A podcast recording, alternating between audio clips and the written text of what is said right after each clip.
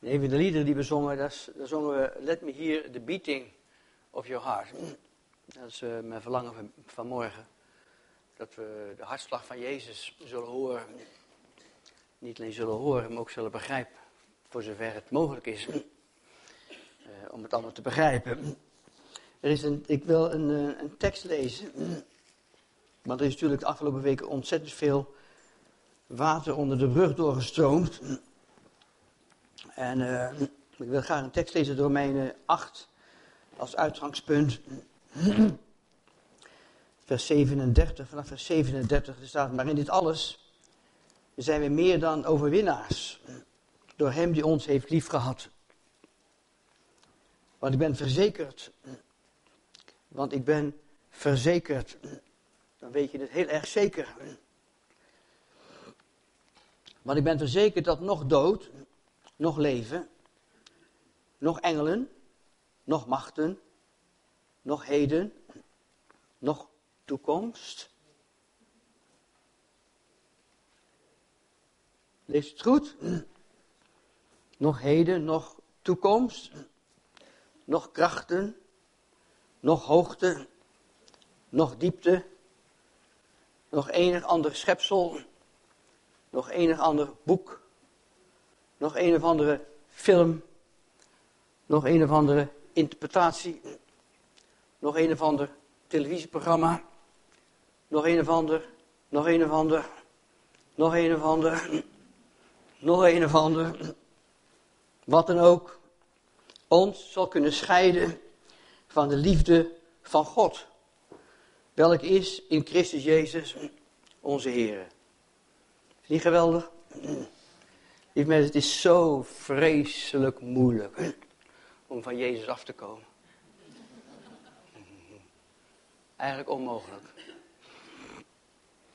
Staat er, hè? Het kan gewoon niet. Ja, kijk. Ja, het staat er gewoon. Niets kan ons scheiden van de liefde van God. Van Jezus. En dat, uh, kijk. Ik zou bijna zeggen, dan wordt het gevaarlijk, ongeacht wat je gelooft. Niets kan je scheiden. Uh, ik wil een aantal dingen zeggen die ik ervaar, die ik beleef, die ik denk. En die ook met de toekomst te maken hebben, voor mijn gevoel. En uh, daar wil ik u zeggen, en dat heb ik al eerder gezegd. Er zijn een aantal basisprincipes waar ik heel vast in geloof. En dat is als Jezus als zoon van God uit de maagd geboren is. Dat hij op aarde heeft gewandeld. Dat hij aan het kruis gegaan is. En aan het kruis heeft hij de weg naar het hart van God vrijgemaakt. Door het kruis, door Jezus, weten wij wie God is. Dat hij daar gestorven is, begraven is, opgestaan 40 dagen met zijn discipelen heeft gewandeld op de aarde. En met hen gesproken heeft over het koninkrijk van God. En dat hij tenslotte naar de hemel is gegaan. En dat er een dag komt dat hij verschijnt in al zijn glorie. Ik weet niet precies hoe. Ik weet ook niet precies waar. Ik weet ook niet precies wanneer. Sommige mensen schijnen het altijd te weten. We zien weer een rode maan. We weten weer precies wanneer die komt. Een rode zon. Dat geloof ik. En omdat ik met mijn, dat met mijn mond beleid, en omdat ik dat met mijn hart geloof, ben ik gered. We ook over gezongen. We zijn gered. Maar van wat ben je nou gered? En uh, van jezelf waarschijnlijk. Ja, ook. Maar, kijk, als je alleen maar gered bent en dat is wat sommige mensen komen niet verder. Dan zeggen ik ben gered van de hel. Nou, dat is leuk dan. Maar dan moet je ook in de hel geloven. Dus heel mensen die geloven er niet meer in. Wat ben je nou gered? Als je woordje redding opzoekt in het Grieks, dan staat er niet zomaar alleen maar, dat, dat heeft een heel diepe betekenis. Als je het bij elkaar voegt, dan staat er eigenlijk, wanneer je gered bent, dan heb je toegang tot alle voordelen die het koninkrijk van God je kan bieden. Vrede, veiligheid, liefde, genade, leven, genezing, gunst. Alle voordelen van het koninkrijk van God. Daartoe heb je toegang. Dat is van jou. Dat kun je op jezelf toepassen. Dat is redding. Dus ik ben gered. U ook? Zijn we het daarover eens? Want u moet horen, er zijn nu eenmaal dingen die ik geloof die u helemaal niet leuk vindt. En er zijn wel dingen die u gelooft die ik helemaal niet leuk vind. Maar we zijn wel allemaal gered. En ik heb het u al eens eerder gezegd. Je kunt beter vrienden zijn in het koninkrijk van God als vijanden in de kerk. En hoe ver gaat dat, die gedachte nou, dat niets je kan scheiden? Ik had een paar weken geleden, kwam er een echt bij mij bezoek in Vlissingen. We zaten op de boulevard, een kop koffie. Hele lieve mensen. Geen oordeel aan de mensen. Die uit het evangelie kwamen, moet ik eigenlijk zeggen. Jarenlang zich in een bepaalde bediening hadden gemanifesteerd. Mensen bij het kruis hadden gebracht. Maar eigenlijk niet meer geloofden wat ze altijd geloofd hadden. Eigenlijk niet meer geloofden dat Jezus uit de maagd is geboren. Eigenlijk niet meer geloofden dat hij is opgestaan uit de dood. Daar hele andere interpretaties aan koppelen. Wel geloven in God. Wel geloven in de geest van God. Wel geloven dat God hun leidt. Maar weggestapt zijn van een bepaalde basisingrediënten die ik zeer noodzakelijk acht om te geloven. En ik zat tegenover ze. En ik keek naar ze. Ik heb geluisterd. Ze hebben naar mij geluisterd. Er was openheid. En ik dacht, want, want dan heb je als een punt dat vele mensen vinden dat vreselijk gevaarlijk. Dan moet je je tegen uitspreken. Daar zijn gevaarlijk voor andere mensen. Zijn misleiders. Je kunt er alles aan koppelen. Maar ik keek naar me en ik dacht aan die tekst. Niets kan je scheiden van liefde van God. Gods liefde voor jou houdt nooit op. Wat je ook doet, wat je ook gelooft, waar je staat, hoe ver je ook voor dingen bent weggestapt. En, ik, en in plaats dat ik eigenlijk het idee had van, goh, hoe zullen wij de goede gemeente beschermen voor dat soort mensen, dacht ik, oh, laat, laat ik het maar aan God overlaten. Laat ik maar aan God overlaten. En ik bemerkte bij mezelf een hele andere reactie als die ik misschien vijftien jaar geleden had zou hebben. Of tien jaar geleden had zou hebben. Er is zoveel ruimte en zoveel liefde, zoveel kracht bij het hart van God. Er zijn zoveel dingen gebeurd, ook de afgelopen weken. Ook de toekomst. En wat voor gedachten over de toekomst dan ook, zullen ons kunnen scheiden van liefde voor God. Ik heb hele andere gedachten over de toekomst misschien, als velen van u. Waar hebben we mee te maken? We hebben te maken met een campagne opgegeven met een vluchtelingenstroom. Die we aan kunnen. Mensen staan bol van de angst. En wij versterken dat nog een beetje in het evangelie. Door allerlei terminologie erop los te laten. Van ja, dit is toch wel het einde. Of nu komt Jezus toch wel snel. En als hij er nu niet bij komt, dan komt die dieven de nacht weer. En dan komt het woordje spoedig weer. En dan komt het woordje op de wolken des hemels weer. Er is veel aan de hand, er is veel angst. Veel beroering. Klimaatverandering. Ik hoorde net op de radio, wij luisteren vaak de vroege vogels als we, als we, als we, als we rijden. Zeker naar, naar, naar, naar hier, naar uh, Bosco. Dan ben je zeker een vroege vogel.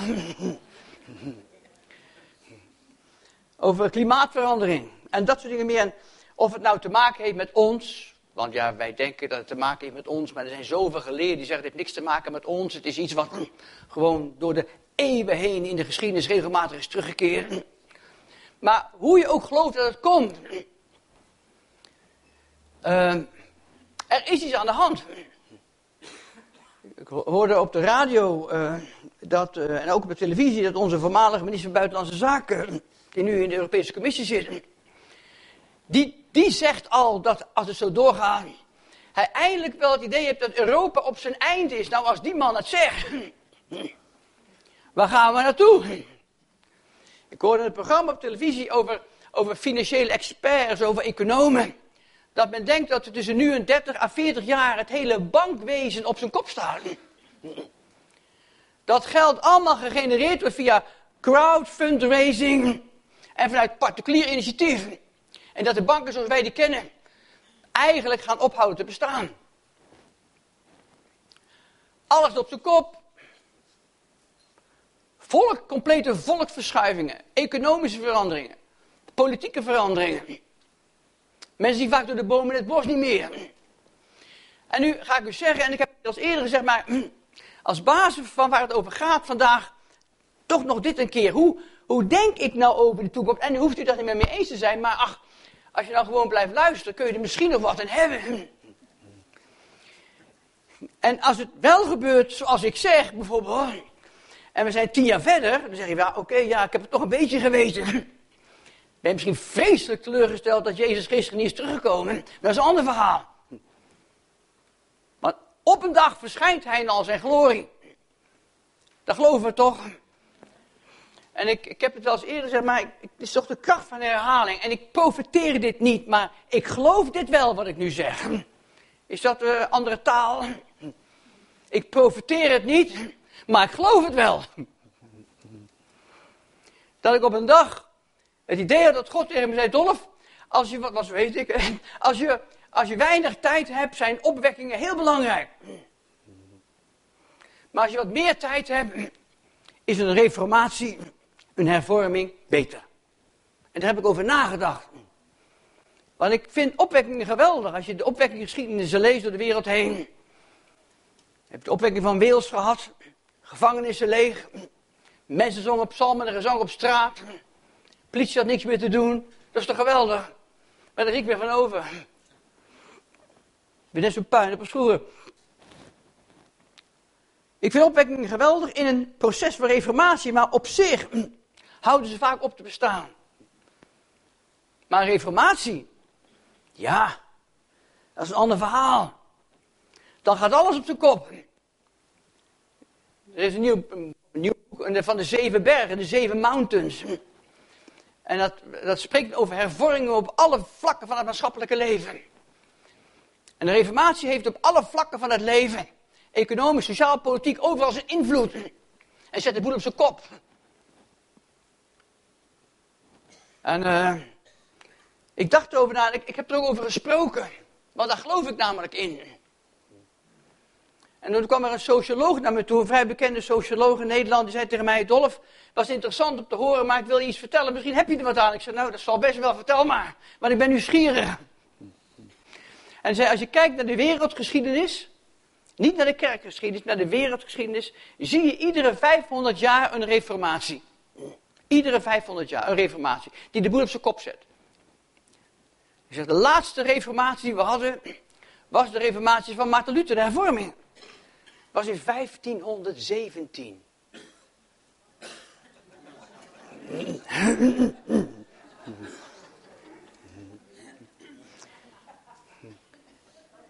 Dus als de geschiedenis zich herhaalt,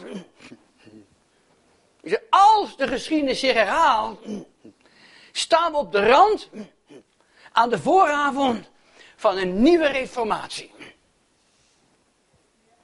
Als die zich herhaalt. En als de, en de vorige reformatie van 1517 kon een geweldige vlucht nemen, veel meer als de, eerste, als de andere vier, omdat de boekdrukkunst toen bijna tegelijkertijd werd uitgevonden. Wat we nu hebben, is vele malen meer als de boekdrukkunst. En als, we, als er ooit de ingrediënten voor een totale reformatie aanwezig zijn nu, is het vandaag aan de dag. Ben ik daar bang voor? Nee. Zal het altijd makkelijk gaan? Nee. Ik zeg hiermee niet. Ik zeg niet dat als er een nieuwe reformatie komt, dat het allemaal gelijk roze geur en maneschijn is. Dat zeg ik niet. Ik zeg niet dat, dat ons vrijwaart van verdrukking. Maar we zijn nog niet aan het eind van die 40 jaar. Wat ik wel geloof, als het koninkrijk van God ooit de mogelijkheid heeft gehad om te manifesteren. Als we ooit de kans hebben gehad om de kracht van God en de liefde van Jezus uit te drukken, is het vandaag. Is hoe we met dingen omgaan. Hoe we naar dingen kijken. Hoe we naar mensen kijken. Wat we toelaten in ons hart. En hoe we ons hart uiten. Kijk, ik, uh, ik, heb, ik, ik, heb tien jaar geleden, zei ik al, misschien, misschien gaan we eerst wel door een ijstijd heen voordat Jezus komt. Vonden mensen toen niet leuk? Ik weet ook niet hoe lang het gaat duren. Ik weet wel dat om een nieuwe reformatie te vestigen en te stabiliseren, is een generatie nodig. En een generatie is de periode van ongeveer 40 jaar. Dus ik blijf minimaal nog 40 jaar hier.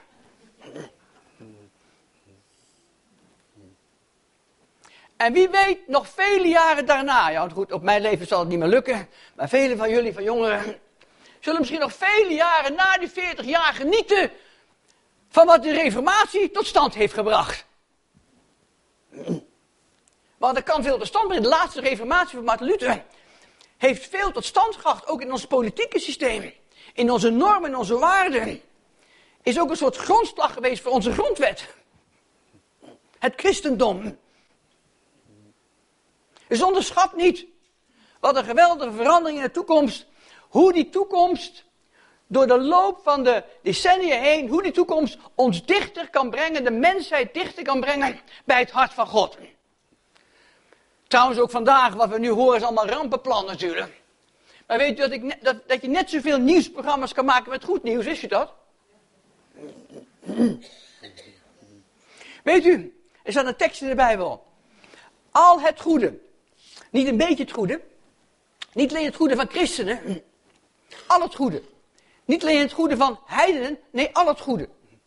Niet alleen het goede wat, wat, wat, wat verschillende religies manifesteren. Nee, al, al het goede komt van God.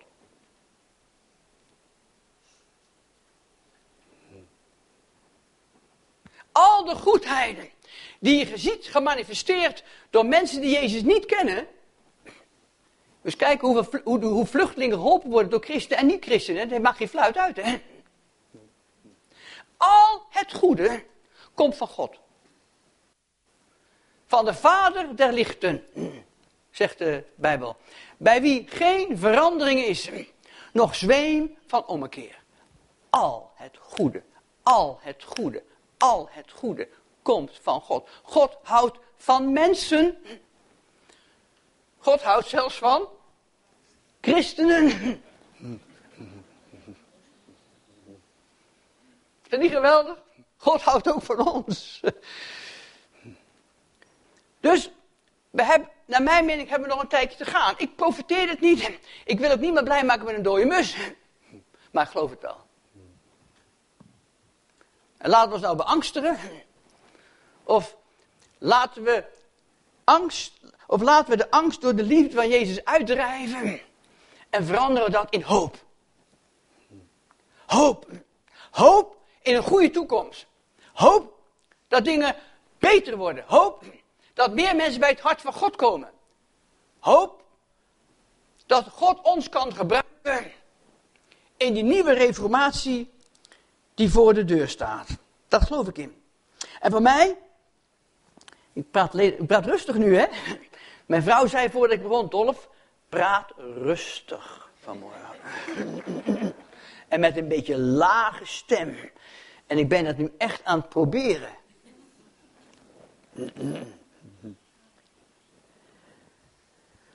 Een aantal dingen zijn voor mij heel belangrijk. Om door die fase waar we heen, heen te gaan. En ik heb vorige keer al gezegd, en ik heb begrepen achteraf dat misschien niet iedereen mijn dankbaarheid heeft afgenomen, dat wij een vreselijk oordelend volkje zijn, de kerk. En ik hoef maar iets anders te denken dat anderen denken, en dan kan je in Nederland al voor gekruisigd worden. Ik heb je toen gezegd dat ik niet geloof in de opname van de gemeente bijvoorbeeld, weet je dat nog? En toen heb ik ook gezegd, maar als die, als die wel komt, dan ga ik gewoon met u mee. Weet je wel? Want u denkt toch niet, u denkt toch niet dat God mij hier laat? Hè? Left behind. dat, dat God mij hier laat omdat we het nu even niet met elkaar eens zijn. Hè? Dat denk je toch niet, hè? Dat God zo bekrompen is.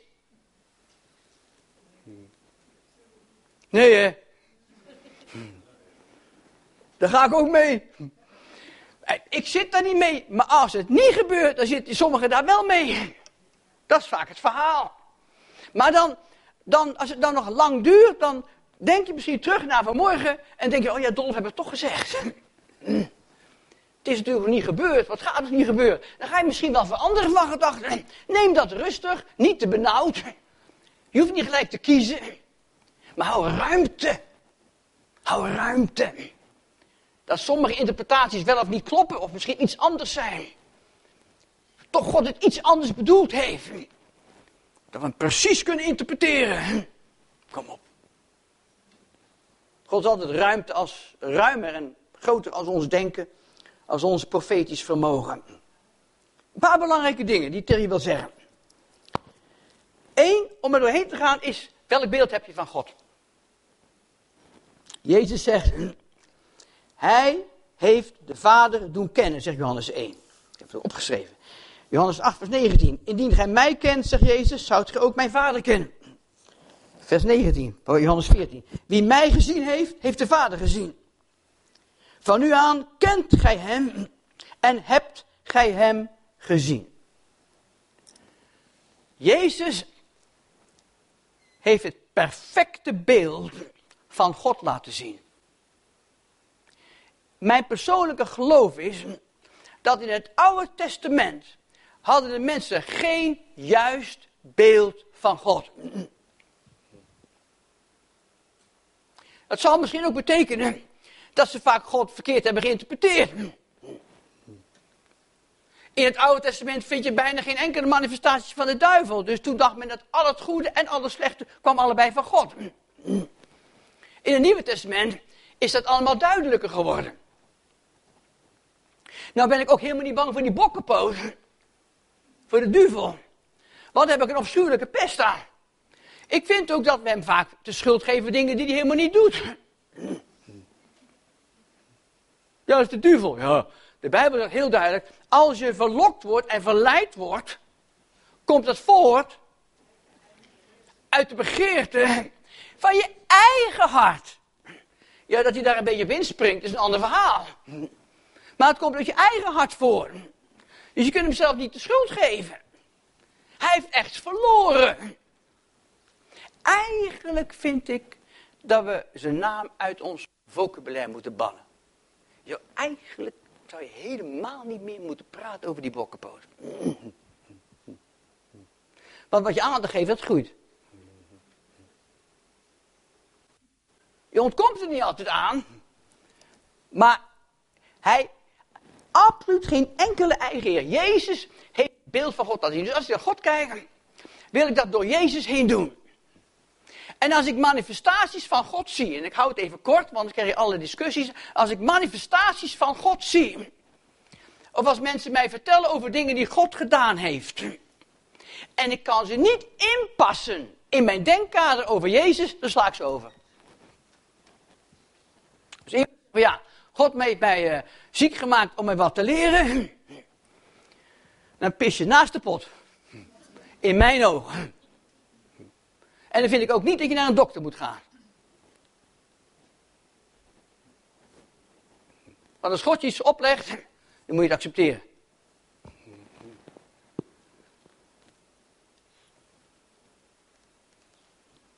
Jezus was een absolute manifestatie van God. Dat is één ding. Kijk naar God door de ogen van Jezus. En als je niet Jezus erin kan zien, slaat dan maar over. Je, moet niet zeggen dat het niet gebeurd is in het Oude Testament, dat hoor je mij niet zeggen, maar ik sla het wel over en daar kan er niks mee. Ik kom er zo op terug. Alles is veranderd door Jezus. We hebben veel over hem gezongen en daar ben ik blij mee. Alles is veranderd door Jezus. Dus punt 1. Welk beeld heb je God? Punt 2. Hoe denk je na over het oordeel? Johannes 3. Johannes 3, vers 9. Ik lees het wel voor. Er staat dit. Dit is het oordeel. Oordeel in het Oude Testament was altijd vuur, zwavel, brand, slagorders, dood, verderf, vernietiging. Dat is het oordeel in het Oude Testament. Dat oordeel kun je niet toepassen op vandaag. Zeker niet naar hoe Jezus God heeft geopenbaard. Hij zegt dit. Dit is het oordeel. Dat is de definitie van Jezus. En het gaat mij altijd om Jezus. Ik ga voor de definitie van Jezus. Of mensen dat nou leuk vinden of niet. Dit is het oordeel. Dat het licht in de wereld gekomen is. En de mensen de duisternis liever gehad hebben dan het licht. Want hun werken waren boos. Want in ieder die kwaad bedrijft, haat het licht. En gaat niet tot het licht. Waarom niet? Opdat zijn werken niet aan de dag komen. Maar wie de waarheid doet, gaat tot het licht. Opdat van zijn werken blijkt dat zij in God verricht zijn. Het oordeel is dat het licht in de wereld gekomen is. En als het licht in de wereld komt, maakt dat licht maakt scheiding. Wij vechten trouwens veel te veel tegen de duisternis. Je moet het licht aandoen.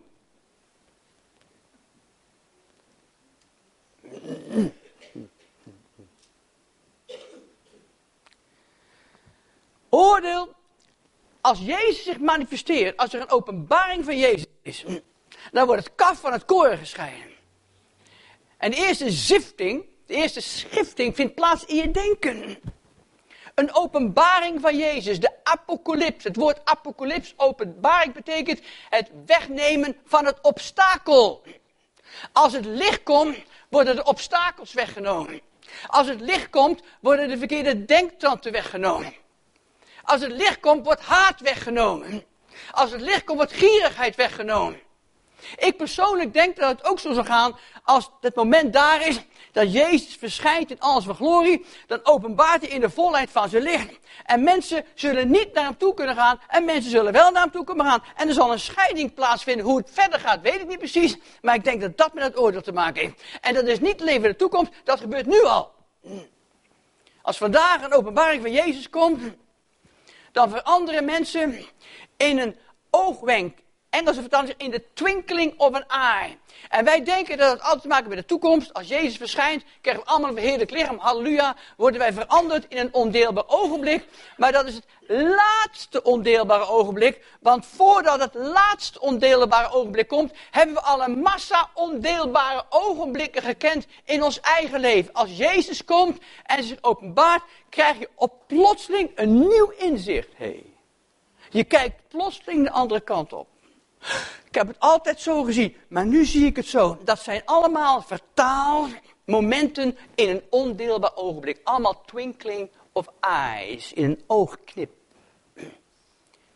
Dus we groeien al naar die volheid toe door een openbaring van Jezus. En als het einde daar is, hebben we alleen maar een klein schopje nodig. Hoe denk je na over het oordeel? Jezus heeft namelijk alles veranderd. Jezus zegt, en ik, ik zou graag willen dat wij ook de Bijbel gingen lezen zoals Jezus die las. Kijk, vroeger had je geen Bijbel. Had die mensen dat probleem helemaal niet.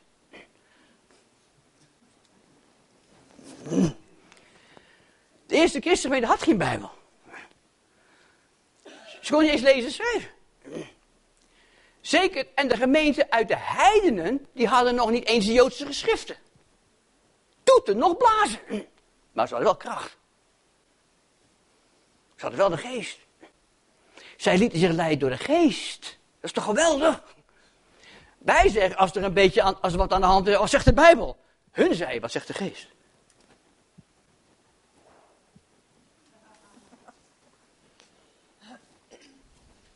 We zouden veel meer moeten zeggen, wat zegt uw Heilige Geest of wat zegt de Bijbel?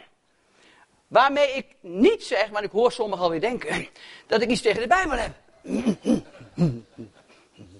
Want oh, die gedachte. Wat invullen. Wat ik allemaal geloof. En wat ik allemaal niet geloof.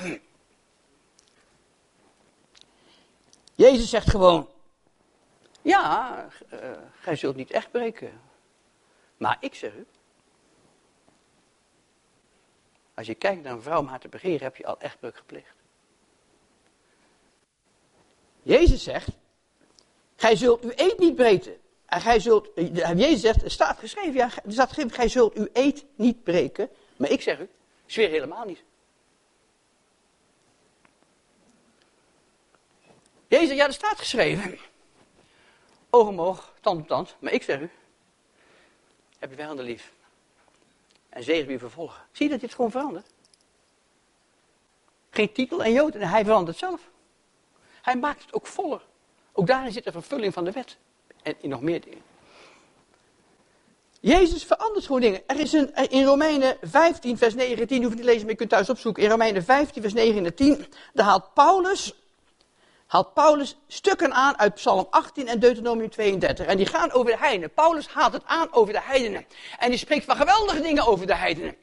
Maar als je gaat kijken waar hij het uithaalt, dat stuk, dan haalt hij maar een paar teksten uit hele stukken. En de rest wat er staat is een rampenplan als het over de heidenen gaat. Dat noemt hij niet eens. Slaat hij over. Hij haalt alleen aan wat heil is en wat goed is. En wat geweldig is, doet Jezus ook. Alles wat met angst te maken heeft.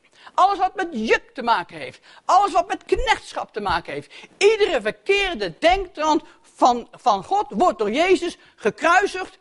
Op het kruis gekruisigd.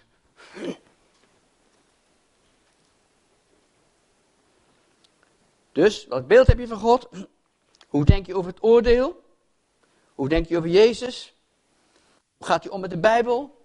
Hoe durf je niet te lezen? Dat is een, leuk boek, heb ik gelezen. Dat is van uh, Dirk Flut. Het heet Disarming Scripture. De, schrift ontwapenen. Geweldig boek.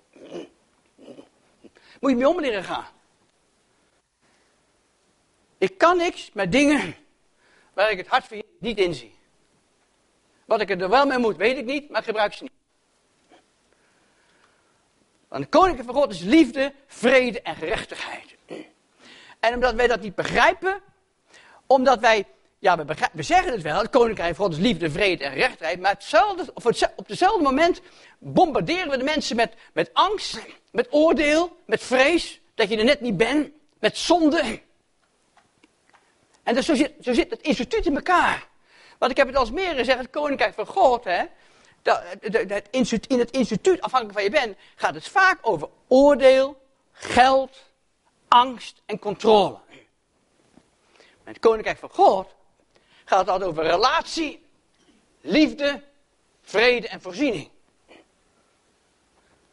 En die mixture is gekomen omdat we niet naar God kijken door de ogen van Jezus. Dat is mijn mening. En als we iets nodig hebben in de komende reformatie, is dat we op een andere manier naar elkaar gaan kijken. Maar ook op een andere manier naar mensen gaan kijken die Jezus niet kennen. Dat we ophouden met het ik hier en jij daar. Of wij en jullie. Al het goede komt van God. Al het goede komt van God. En als je goed ziet uit het hart van God iemand die Jezus niet kent, kun je niet praten over jullie en wij. Kun je beter met ze omgaan en door de Heilige Geest iets bewerken in hun harten. Want het is de stroom van levend water die uit jullie binnenste komt, ook al praat je niet, sommige mensen kunnen beter niet praten. Die het hart van anderen verandert. Ik heb het al eens meer gezegd, als ik iemand tegenkom, dan is het onmogelijk, de persoon die voor me staat, dat hij niet nat wordt.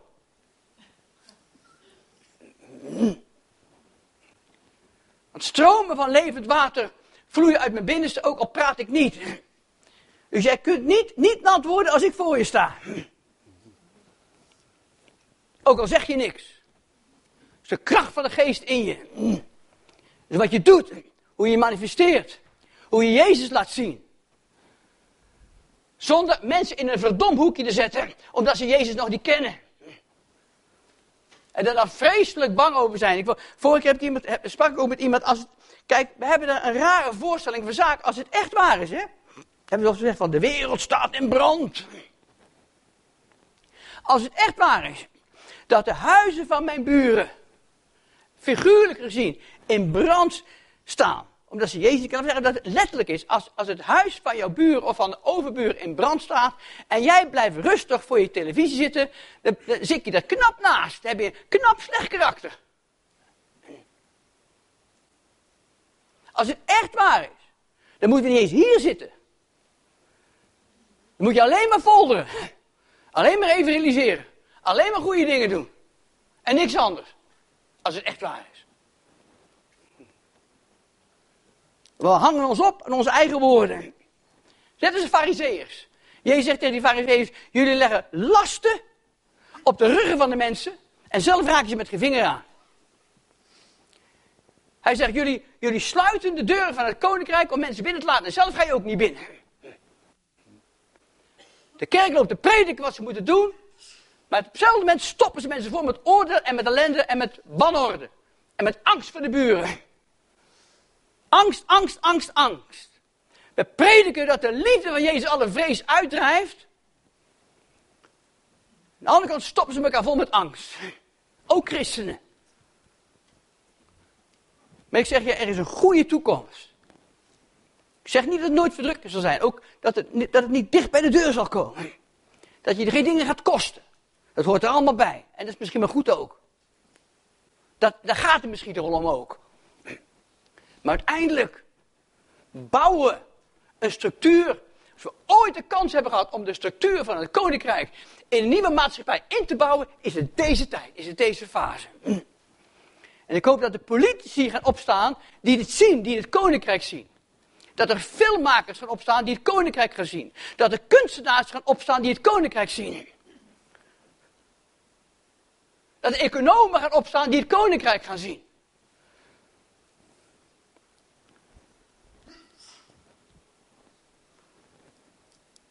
Oordeel. Laat, nog één punt. Wat is zonde? Ik heb nog vijf minuten, kan al even. Vijf minuten. Wat is zonde? Laat ik even Romeinen 15. Moet je even meelezen met me, Romeinen 15. Dat is een, dat is een heel, heel leuk schriftgedeelte. Weet ik hoor. Nee, Romeinen 5, sorry. 15. Ja, het bestaat niet eens geloof ik. Nee. Romein, jawel. Romeinen 5. Ja, ik ben niet zo schriftvast, weet je. Romeinen 5 is 17. Er staat dit. Want indien door de overtreding van de ene de dood als koning is gaan heersen door die ene, veel meer zullen zij die de overvloed van genade en van de gave der gerechtigheid ontvangen, leven als koning heersen door die ene Jezus Christus. Nou, het staat nou dat we, we hebben de gave, even goed, we hebben de gave der gerechtigheid ontvangen. Je kunt niet gerechtigheid krijgen door gerechtigheid te doen. Wat zeg je? Ben je tekst kwijt? Nee, even serieus, zei er iemand wat? Oké. Ja, we hebben de gave. Ik, ik, ik heb die gave gekregen. Ik ben niet gerechtigheid omdat ik gerechtigheid doe. Het is goed om gerechtigheid te doen. Maar dat heeft mij niet gerechtigheid gegeven. Dat heeft mij ook niet rechtvaardig gemaakt. Het is een gave.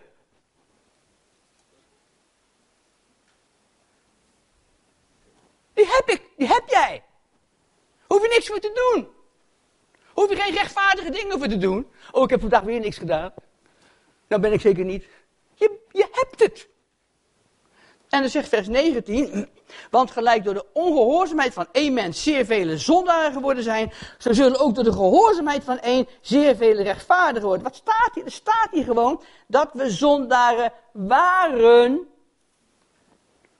maar nu zijn we rechtvaardigen geworden.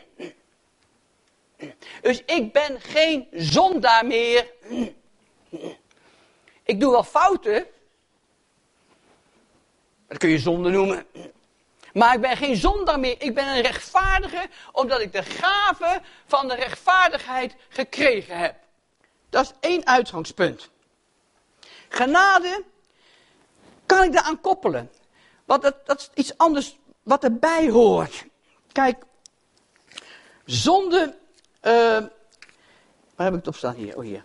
We even naar mij met naar uh, Johannes 16, vers 9. Want daar moet, doen we veel te moeilijk boven over zonde.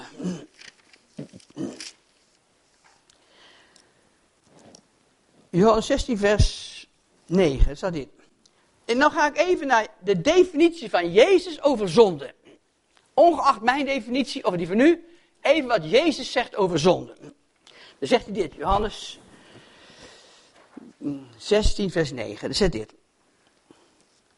Ik zal vanaf vers 8 lezen. En als hij komt, als de Heilige Geest, zal hij de wereld overtuigen van zonde en van gerechtigheid en van orde. En dan gaat hij definiëren. Van zonde, omdat zij in mij niet geloven.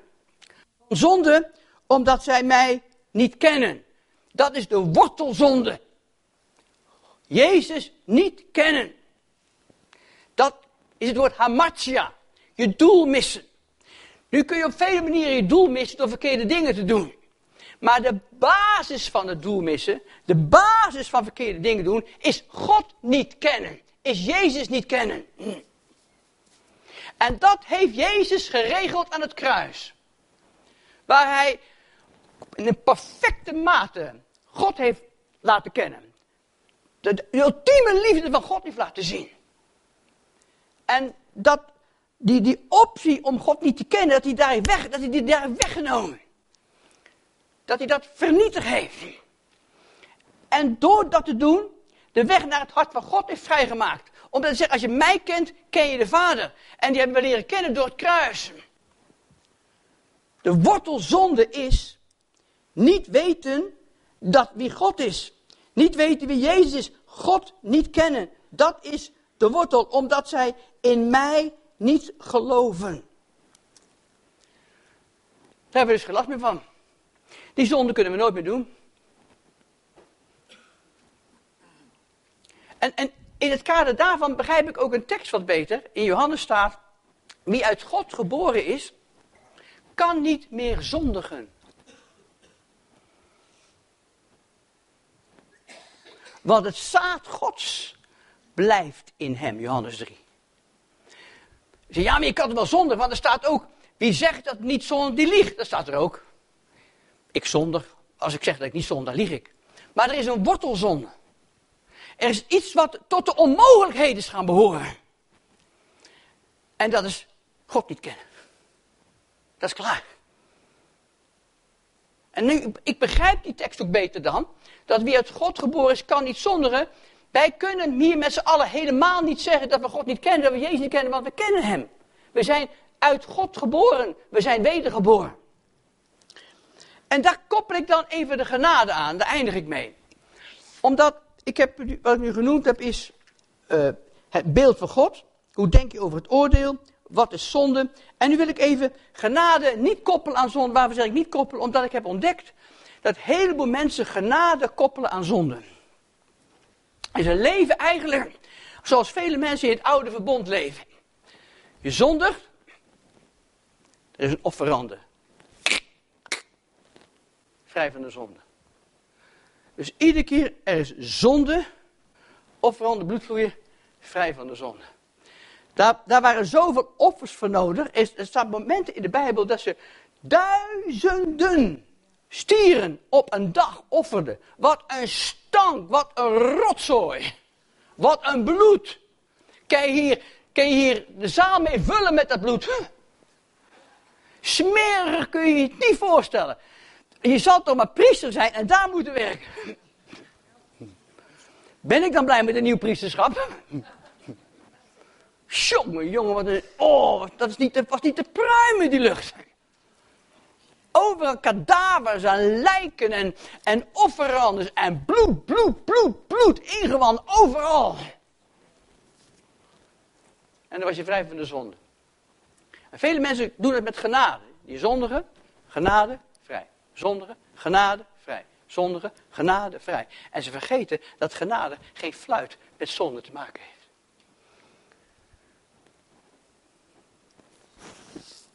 Genade heeft niks met zonde te maken. Het bloed van Jezus heeft met zonde te maken.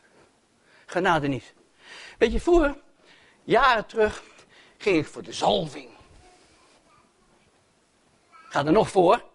Maar zalving is gewoon heilige geest in mij. Die mij genade en kracht geeft om te doen wat ik doen moet in het lichaam en in de wereld, in het koninkrijk. Dat, dat, is, dat is de zalving, dat is geweldig. Maar weet je, ik, ik, wil, ik wil het ook allemaal, alles door de kracht van de zalving, maar ik heb leren zien dat als er iets een kracht is, is het genade. Paulus zegt, ik ontneem aan de genade haar kracht niet.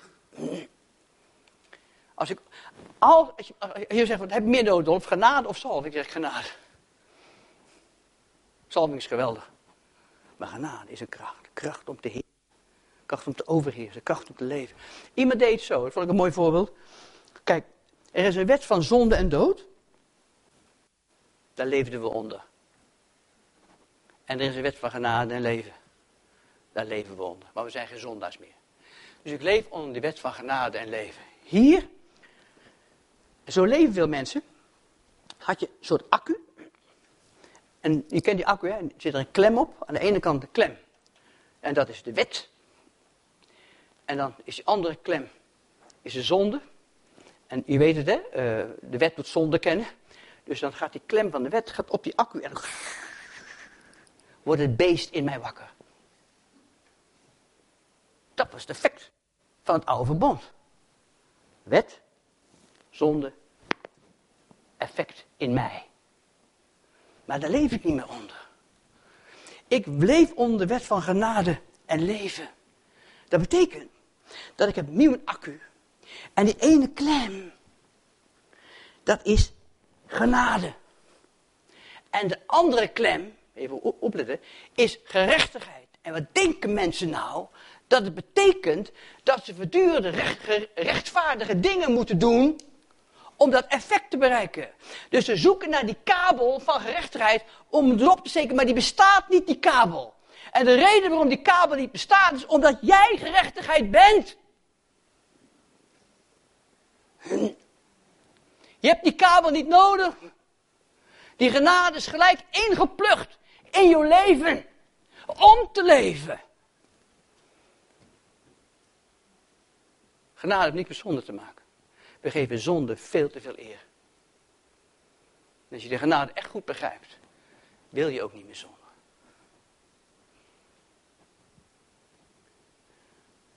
We gaan naar een toekomst waarvan ik die niet zeg dat je altijd even makkelijk is. Nu naar Indonesië gaat, Indonesië is het land met de grootste moslimpopulatie van de hele wereld. Op Java worden christenen vervolgd. Door militante moslims. Vele kerken worden gesloten. De kerk groeit tegen de klippen op. Ik zeg niet dat het overal makkelijker is. Maar toch gaat het koninkrijk van God winnen. Het is niet te stuiten. Het koninkrijk van God breekt baan met, met geweld. Dwars tegen iedere verdrukking in. Dwars tegen alle misère in. En uiteindelijk manifesteert zich het koninkrijk God als het sterkste. Daar geloof ik in. Is het even makkelijk? Nee. Je moet niet naar Syrië kijken, het is heel erg daar. Wij leven in een goed land, weet je dat? We mogen onze handen wrijven. Over twee weken ga ik naar Egypte. Een ander land.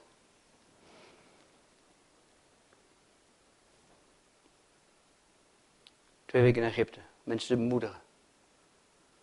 We leven in een goed land. Ophouden met mopperen, ophouden met zeuren.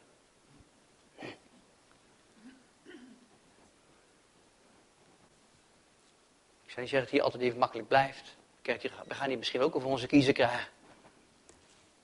Er zijn complete verschuivingen vinden plaats van bevolkingsgroepen. Alles schudt en wordt gereorganiseerd. Maar er is een reformatie. Maar hou vast wat je hebt. Welk beeld heb je van God? Hoe denk je over het oordeel? Wat is zonde? En hoe verhoudt zonde zich met genade? Of je dingen gaan begrijpen. En eerst nog eens zelf kijken. Want mensen, als je goed naar jezelf kijkt, hoe beter je jezelf begrijpt, hoe minder je oordeel. Dat is gewoon waar. Hou die dingen vast.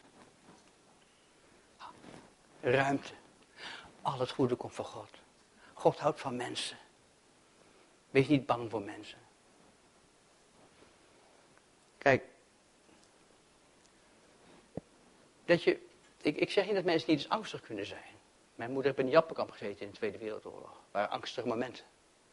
Maar wat doe je met je angst? Hoe ga je ermee om? hoe, manifesteer je daar? Moet je, moet je horen, ik heb erover nagedacht, dat is moeilijk. Ik ben, ik ben, of, ik ben officieel erkend gewetensbezwaarder. Ik heb, ik heb uh, militaire dienst geweigerd. Ik heb vervangende dienst gedaan bij het onderwijs in Den Haag, in de Schilderswijk. Daar heb ik het geleerd. maar ik ben door, langs de psychiater gegaan, commissie gegaan.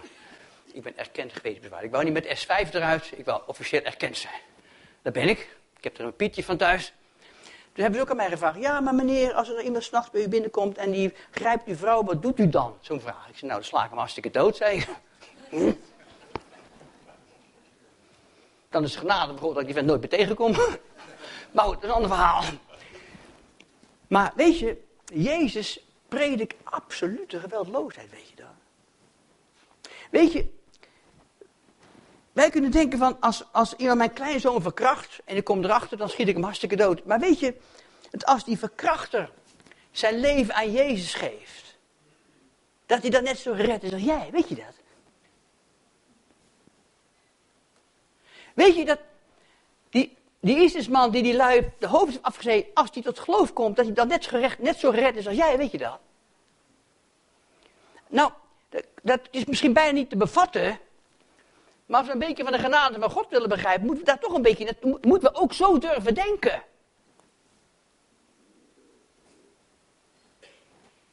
Want dat, dat is wel het hart van God. Ik weet, de overheid draagt het zwaard niet voor niets. Wij moeten oordelen, maar als we niet allemaal goed vinden, we kunnen beoordelen. En dan kunnen ook gestraft worden. Dat, dat, daar ben ik niet op tegen. Maar het hart van God, dat kan je niet onder in een doosje stoppen, snap je? Wees, wees niet, sta maar niet verbaasd van wat God allemaal gaat doen in de komende jaren. Zeker de komende 40 jaar. En heb je nou erg veel last van dat Jezus morgen niet terugkomt? Ach. Als hij, wel, als hij wel morgen terugkomt, dan geniet ik met jullie.